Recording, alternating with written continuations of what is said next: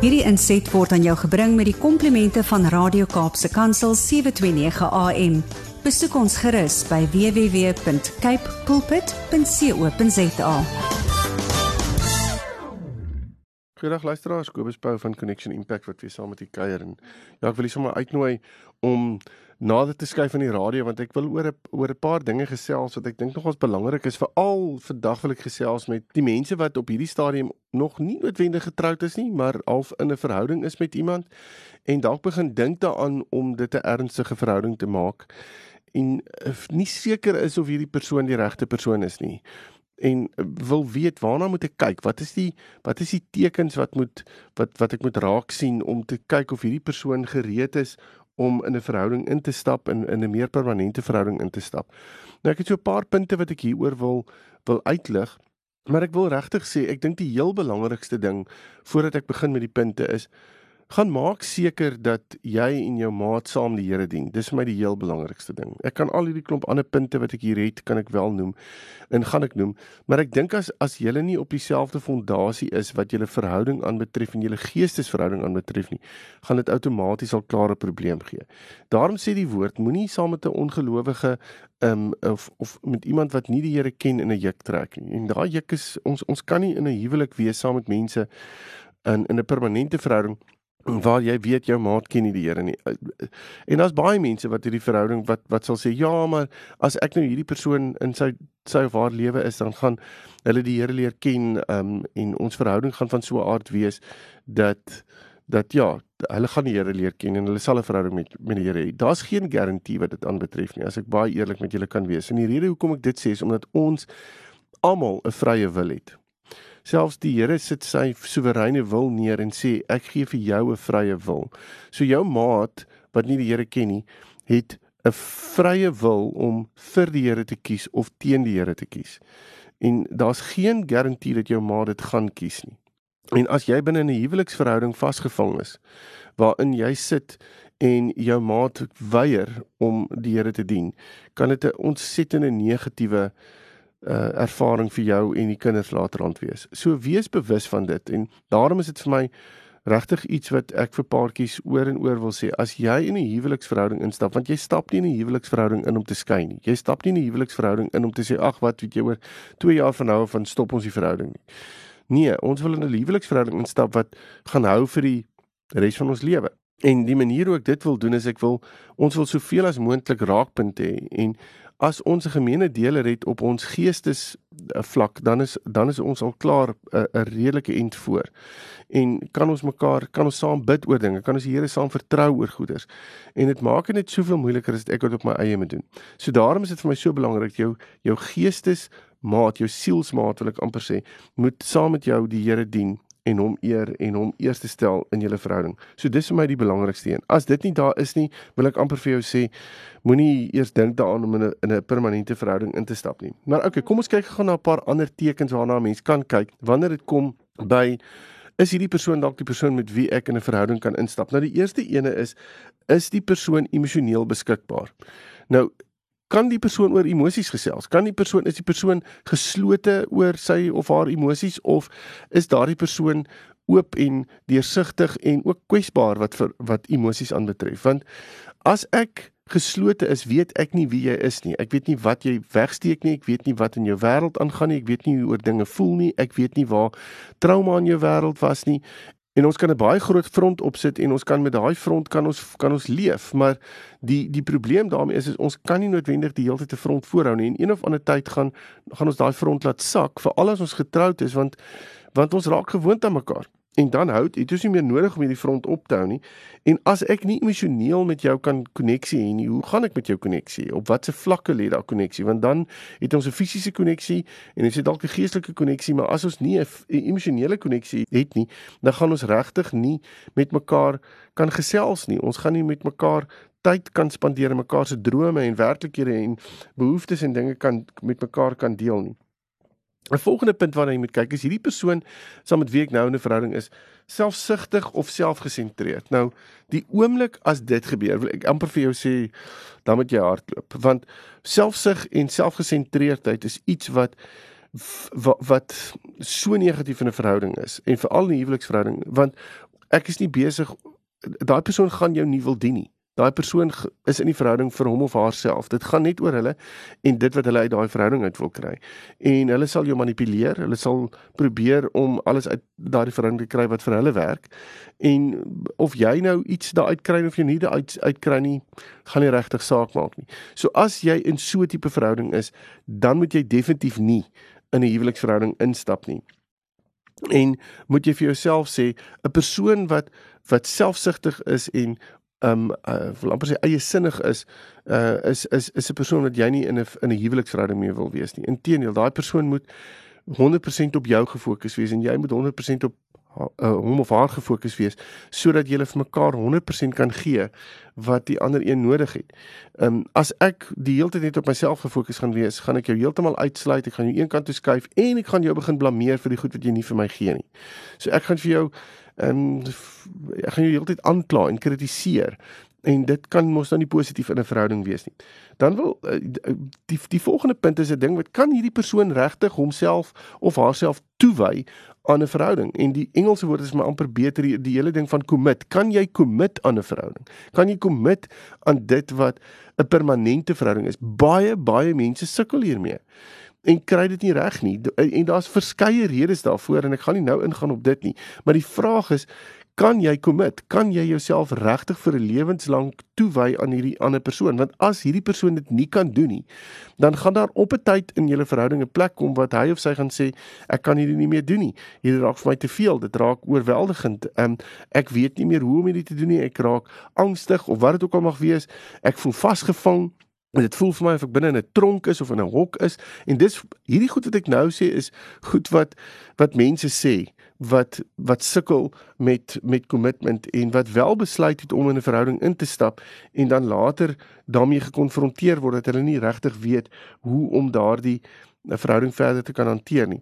'n Volgende punt wat 'n baie belangrike punt is, kan ek hierdie persoon vertrou?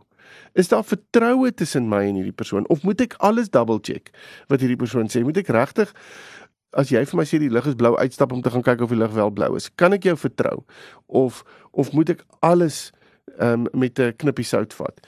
En as dit die geval is, dan wil ek ook vir jou sê, vertroue is 'n absolute fondasie binne in 'n verhouding. En as ek jou nie kan vertrou nie en daar's leuns en daar's onwaarhede en daar's stories wat vertel word en dinge wat deurgegee word wat ek altyd moet dink maar is dit nou so of is dit nie so nie? Of dan moet ek net gou gaan seker maak as as as dit so is dan wil ek vir jou sê asseblief moenie in daai verhouding instap nie. Dit gaan nie 'n positiewe uitwerking vir jou hê nie. 'n volgende punt wat amper in 'n sekere sin hier uh, wel dit sluit nie noodwendig by aan nie, maar dit kan dit veroorsaak is dat jy kan sien jou maat is besig om met iemand anders half hierdie vertrouensverhouding te hê, uh, het sy 'n vriend of 'n ander vriendin of 'n kollega of iets van die aard en ewe skielik begin jaloesie ontwikkel. En is daar jaloesie in hierdie verhouding? Is jy jaloers? um op jou maat en op jou maat se koneksies of se verhouding met ander persone.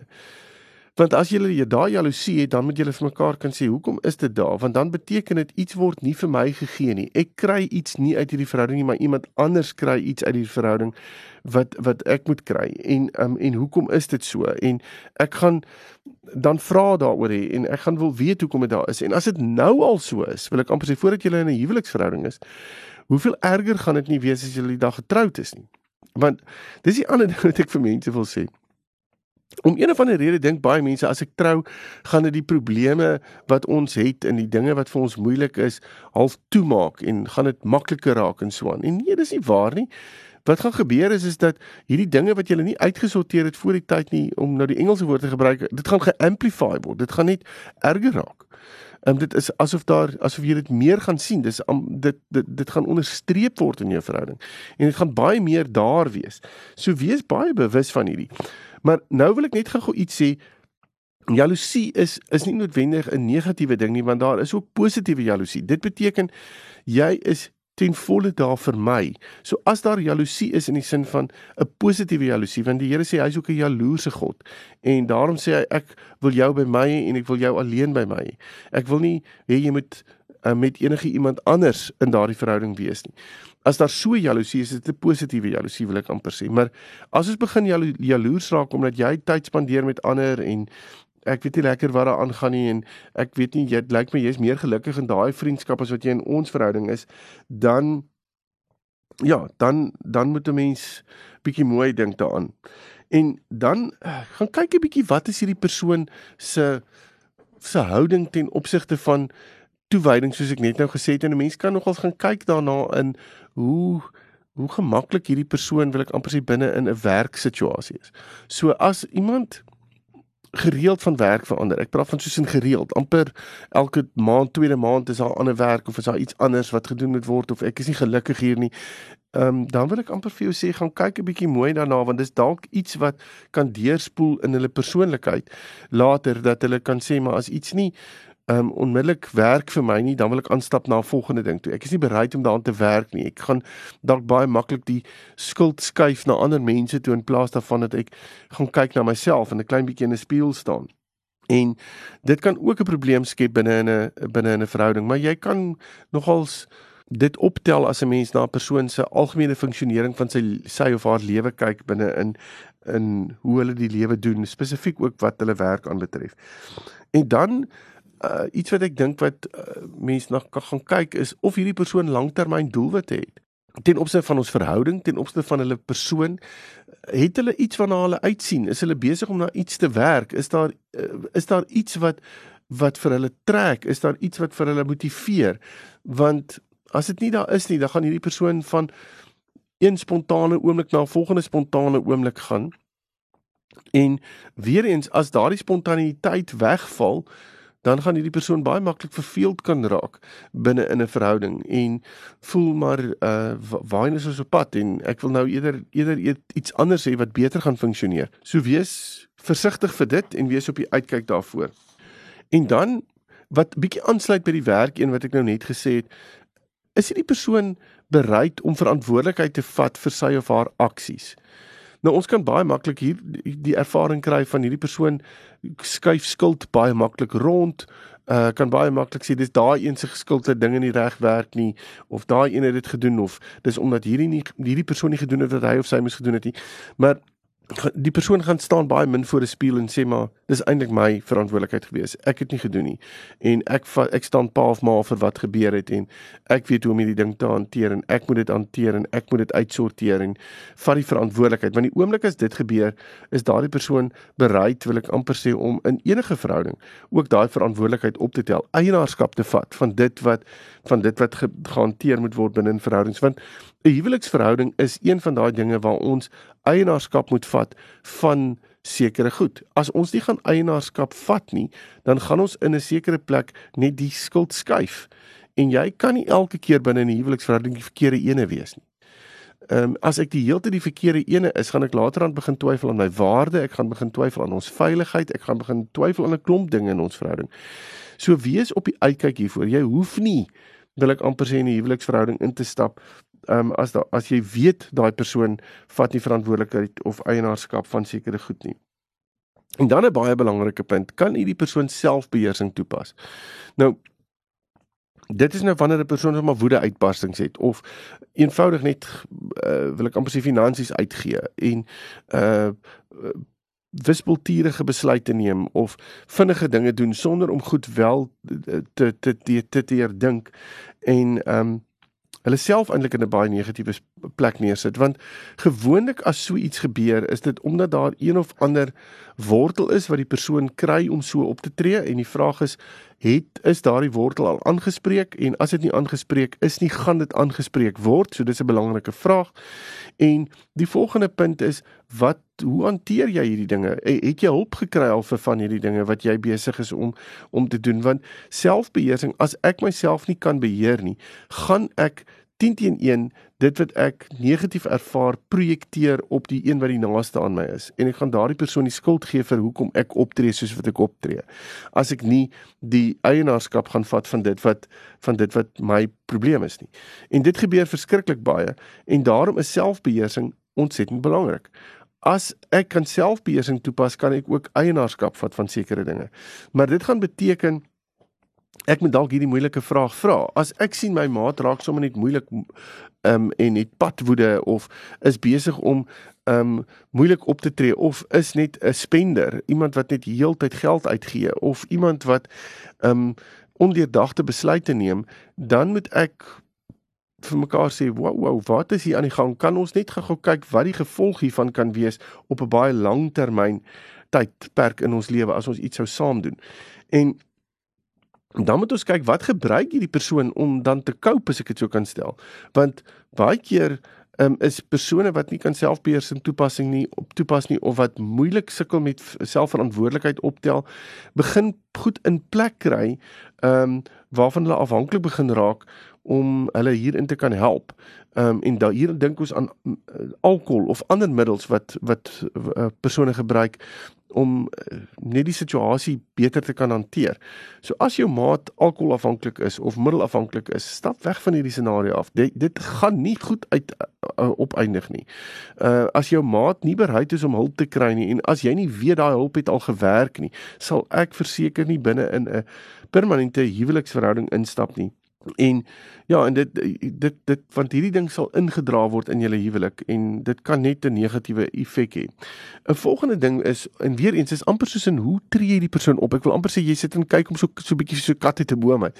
Maar um, is hierdie persoon iemand wat 'n familiemens is. Um iemand wat goed met hulle familie omgaan, hulle ouers, hulle broers, susters, res van hulle familie. Hoe hoe lyk dit? Hoe funksioneer dit? Uh, is hierdie persoon iemand wat dit kan doen? Want as hy of sy dit nie doen nie en baie negatief is oor familie, dan moet jy weet gaan jou eie familie dalk um, nie gemaklik wees nie en gaan jou eie familie, gaan jy dalk van jou eie familie geïsoleer word binne 'n verhouding. Ehm um, waar hierdie persoon nie met familie wil tyd spandeer nie of dalk negatief is oor familie. So daarom is dit so belangrik om om regtig te gaan kyk hoe hanteer hierdie persoon in die familie want daardie hantering gaan teen teen een deurspoel ehm um, binne in jou eie binne in jou eie verhouding. Kyk bietjie, ek het nie 'n probleem met mense wat kinderlik is nie. Maar gaan kyk 'n bietjie of jou jou maat kinderagtig is, want as kinderagtig beteken jy tree op soos 'n kind, jy gooi tantrums, ehm um, en jy probeer daardeur manipuleer en sulke tipe van dinge. So as jou maat so optree, dan wil ek vir jou sê, ehm uh, maak seker dat jy weet hoekom dit gebeur. Weerens sal daar 'n wortel wees in hierdie persoon se lewe van hoekom dit daar is. Uh, maar Ja, as as as dit as dit daar is, uh probeer dit uitsorteer voordat jy in 'n permanente verhouding instap. En dan 'n volgende punt, dit so klein bietjie by self uh beheersing insluit, aansluit, maar dit ook 'n bietjie te doen met die hele konsep van selfdissipline. Het hierdie persoon uh die vermoë om selfdissipline te handhaaf? As hy of sy sy kop op 'n ding neergesit het, maak hulle daarmee klaar of stop hulle in die middel van 'n storie? Is hulle besig om dinge te doen op so 'n manier dat as hulle besluit het op iets dat hulle weet hoe daai plan lyk en dat hulle gedissiplineerd is om dit deur te voer. Het sy dit oefening is, het sy dit 'n uh, 'n uh, plan is wat 'n doelwit is wat hulle wil hê vir die huwelik of hulle eie lewe, um, in hulle familie, um, in in julle verhouding, is daar selfdissipline om om hierdie deur te voer of is daar nie? Want selfdissipline uh, wys ook vir jou dat daardie persoon ingekoop is en eienaarskap soos ek gesê het sal neem van van dit wat nodig is. Ehm um, iets wat aansluit by half die heel eerste punt wat ek genoem het is die hele konsep van emosionele stabiliteit. So as jou as jou maat nie emosioneel stabiel is nie. Ehm um, en jy kom agter daar's geweldige emosionele fluktuering wat plaasvind. Dan sal my vraag wees, hoekom is dit daar? Kan ons dit probeer uitsorteer want as dit die een oomblik is jy geweldig vriendelik en die volgende oomblik is jy uiters kwaad en ek weet nie waar dit vandaan kom nie. Dit word getrigger deur goed wat ek nie verstaan nie. Dan wil ek vir jou sê moenie in daai verhouding ingaan nie. Moenie in daai verhouding instap voordat jy dit nie uitgesorteer het nie of voordat nie goed in plek is om dit te kan hanteer nie. Ek sê nie jy moet nie in 'n verhouding wees nie maar daar moet daar moet maniere wees hoe om hierdie te kan hanteer want as dit nie gehanteer word nie kan dit 'n baie baie negatiewe effek hê. En daarom is dit ook vir my belangrik om te sê maar wat kan alles bydra wil ek amper sê tot hierdie goed wat ek nou genoem het. En ag dit kan wees dat die persoon nie baie seker is in in hom of haarself nie. Hulle sukkel met hulle eie selfbeeld. Hulle ehm um, hulle het nie soos hulle het commitment issues. Hulle hulle sukkel regtig daarmee om ehm um, toegewy te wees aan iets spesifieks.